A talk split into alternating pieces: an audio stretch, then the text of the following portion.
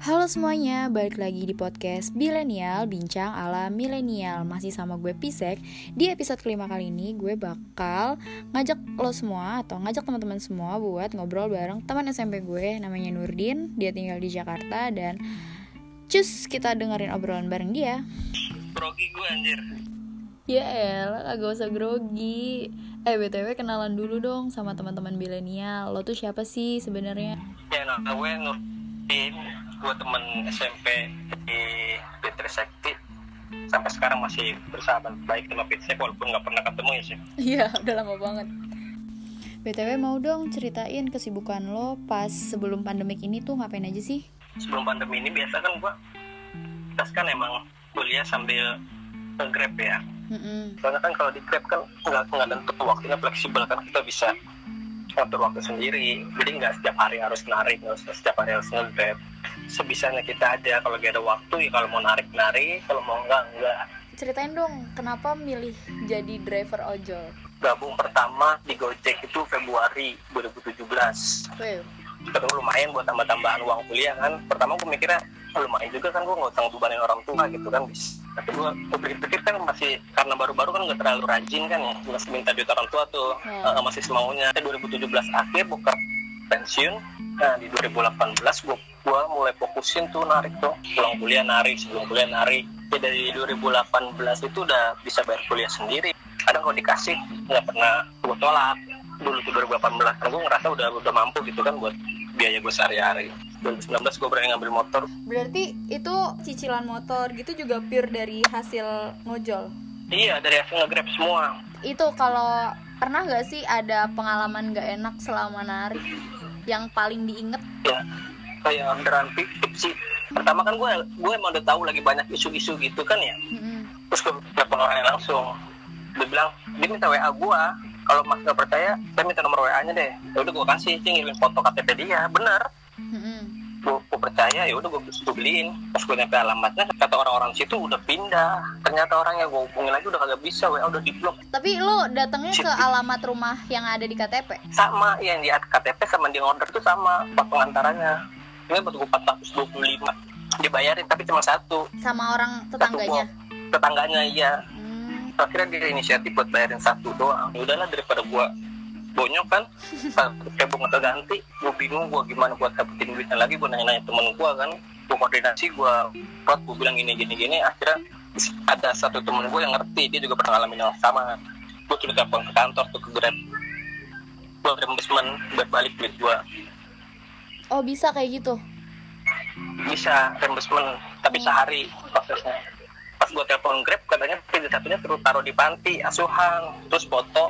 Kalau kita udah ngasih terus gua jelasin tapi udah dibayarin sama tetangga sini gitu. Gua bilang gitu kan. Heeh. ya udah yang satu aja mas.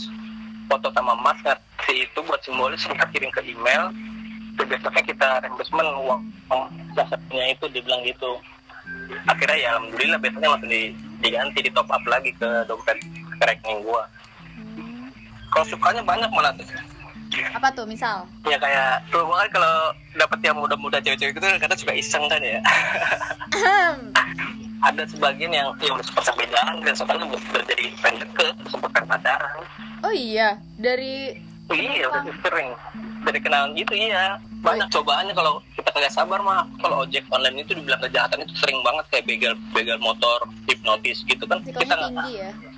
Iya, soalnya Iya. banyak kejadian gitu. Saya pada, pada curhat, banyak berita kalau di ojol itu kan koordinasinya kan dia se- senasional. Makanya kenapa kalau lagi ada kayak orang meninggal gitu, itu makanya gue salut sama, sama Grab sama Gojek gitu. Gue bingung makanya bisa nyatuin begitu. Ya walaupun sedikit ada yang arogan sih yang gue nggak sukanya. Nah, kalau pandangan lo sendiri dan sebenarnya fakta di lapangan tuh gimana sih yang terkait kebijakan? Oh, yang nggak boleh bawa penumpang ya. Pas PSBB itu kan per- pertama kan DKI itu kan tanggal 9 April ke 10 April. Kalau di Grab itu tanggal 8 masih ada layanan itu tuh Grab Bag. Hmm. tanggal 9-nya pas diberlakuin PSBB masih bisa tuh buat untuk penumpang tanggal 9 akhirnya pas tanggal 10-nya si Menteri Kesehatan kan ngeluarin statement kalau ojek daring itu nggak boleh bawa penumpang karena beresiko tinggi dalam penularan wabah virus ini kan gitu. Pemprov DKI bilang diizinin. Menteri Perhubungan lagi ngaji, tapi yang mutusin ini Menteri Kesehatannya ini. Ya karena emang kita tahu sih kan lagi darurat kesehatan ya. Tapi kalau kita bicara tentang angkutan transportasi itu kan ada Menterian Perhubungan pas sebelum diberlakunya PSBB masih masih ada aja orderan saya kayak masih dapat lah sehari masih 8 tuh udah bersyukur banget tuh pas lagi sebelum PSBB tapi pas setelah PSBB diberlakuin terus sekarang dulu kalau buka Gojek kalau sama Grab nih ya keterangan situ maaf untuk sementara layanan Grab back tidak beroperasi sampai waktu yang belum ditentukan. Jadi otomatis lo langsung dialihkan ke Grab Car. Kita sekarang mau ngarepin keluar juga. Ngarepin apaan? Karena setahu gue selama ini 75% itu rata-rata penumpang dari aplikasi online itu. Yang makanan yang barang itu cuma 25 persen kalau dibilang berdampak berdampak banget. Karena kan ya itu penumpang itu kan udah dia matiin.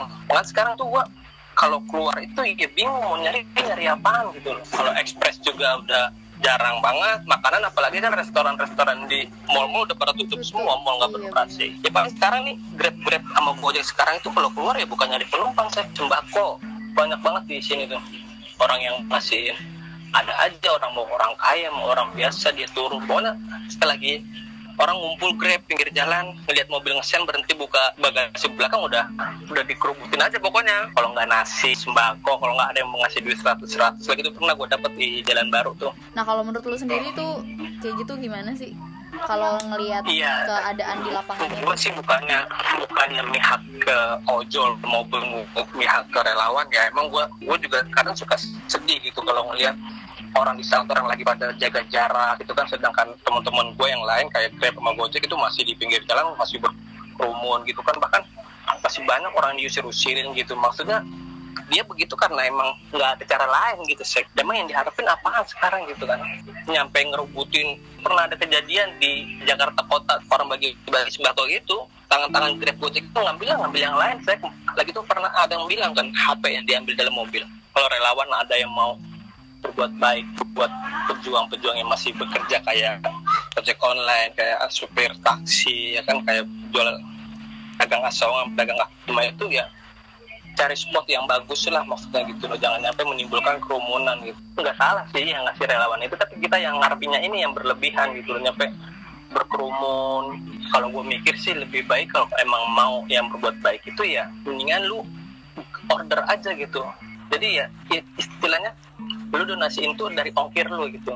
Begitu kan kita nggak harus berkerumun harus bagi-bagi sembako. Kadang kalau lagi bagi sembako itu gue lihat di grup ini juga satu orang bisa ada yang dapat enam set Ya Allah, jadi malah nggak tepat sasaran ya? Ah, ah, malah dia malah ditimbun sendiri dari grab-grab butiknya itu bukannya gua nggak suka. Tapi ya emang kalau begitu malah kasihan yang nggak kebagian gitu loh maksudnya mubazir juga bahkan ada salah satu temen gua juga gua nggak mau sebut itu siapa namanya ya dia dapat pros dapat ini malah dijual lagi dia. Ya Allah.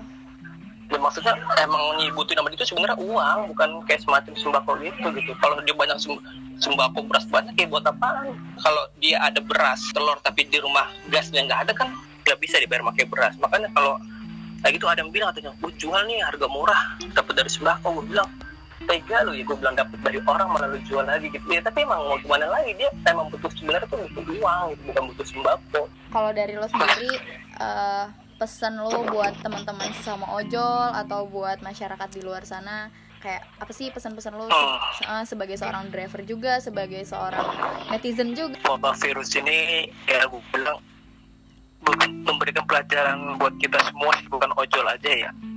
Buat kayak lebih sadar gitu loh. Kayak bergotong royong kayak lu sadar nggak selama ada wabah orang-orang kaya itu jadi pada turun ke jalan?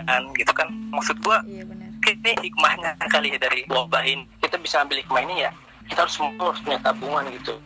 Suatu saat emang terjadi lagi krisis kayak gini ojol itu nggak selalu membelas kasihan pihak mana pun. Mau sampai kapan pun kita juga nggak bisa terus berharap sama pemerintah. Pemerintah juga bukan kerjanya juga bukan ngurusin ojol doang gitu terus yang gue bikin mirisnya pemerintah kayak relawan gitu. Terlalu fokus sama ojol doang gitu loh. Kayak relaksasi kredit sedikit gitu kan sebaiknya pemerintah itu ya lebih dikaji lagi. Kalau emang mau memberikan bantuan sosial harus benar-benar akurat gitu. Loh siapa yang membutuhkan gitu. Loh jangan hanya kayak ke ojol doang terus masalah pembagian bansos kayak bantuan sosial gitu kan. Sebenarnya yang di jalan-jalan itu bukan buat ojol doang sih karena ojol kan identik dengan kerumunan warna hijaunya gitu. Jadi statement masyarakat yang lain kok ojol mulu sih? Yang kita sih makan. Padahal pedagang kaki lima nggak seragam kan. Ada di tengah-tengah sama teman-teman gue yang lain. Di tengah kerumunan itu ada tukang somai ada kayak tukang sayur ada tukang rosokan dapat semua. Terus buat ojol yang lain ya bingung juga sih kalau masih saran bilang kalau di rumah aja ya nggak bisa. Setiap orang kan ekonominya itu sosialnya berbeda-beda ya. Ada yang emang punya tabungan ada yang emang buat makan nyari duit hari ini ya buat makan hari itu gitu loh. Hmm. tapi rata-rata 60% dari mitra ojek online yang ada di Jakarta ya begitu terus ekonominya. Dia nyari duit hari ini ya buat makan hari itu besok udah habis. Makanya nggak heran sampai lagi begini masih nekat buat keluar ya karena emang dia kalau nggak keluar ya dia nggak makan gitu loh. Gue sih ya berharap kita semua ya biar cepat berlalu gitu kan wabah corona ini biar bisa aktivitas kembali normal. Terus buat yang lain pelajaran ambil hikmahnya semua gitu dari wabah ini. Bahwa kita harus bisa apa berperilaku hidup sehat itu kan penting. Ternyata yang selama ini kita nggak pernah hiraukan sekarang malah jadi bencana buat kita gitu. Ini semua kan pasti ada hikmahnya. Harapannya biar bisa lebih sadar buat ke depan buat nyiapin tabungan. Yang nggak pernah pulang tuh narik. Mungkin ini teguran biar bisa main sama keluarga main sama anak sama istri yang pada pada punya keluarga kan. Semoga wabah ini cepat bisa berlalu bisa mendapatkan kemudahan dalam segala kesulitan lagi.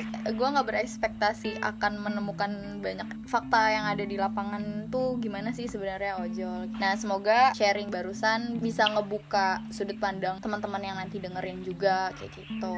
Di tengah situasi yang serba nggak baik-baik aja kayak segala sesuatunya dibatasin. Ya emang harus pinter-pinter sih ya, cuman uh, tetap harus uh, mengedepankan adab Oke, okay, ini kayaknya jaringannya keputus deh. But thank you banget buat Nurdin yang udah mau sharing bareng kita semua. Semoga segala sesuatunya bisa lekas membaik dan sampai jumpa di episode berikutnya. Bye bye.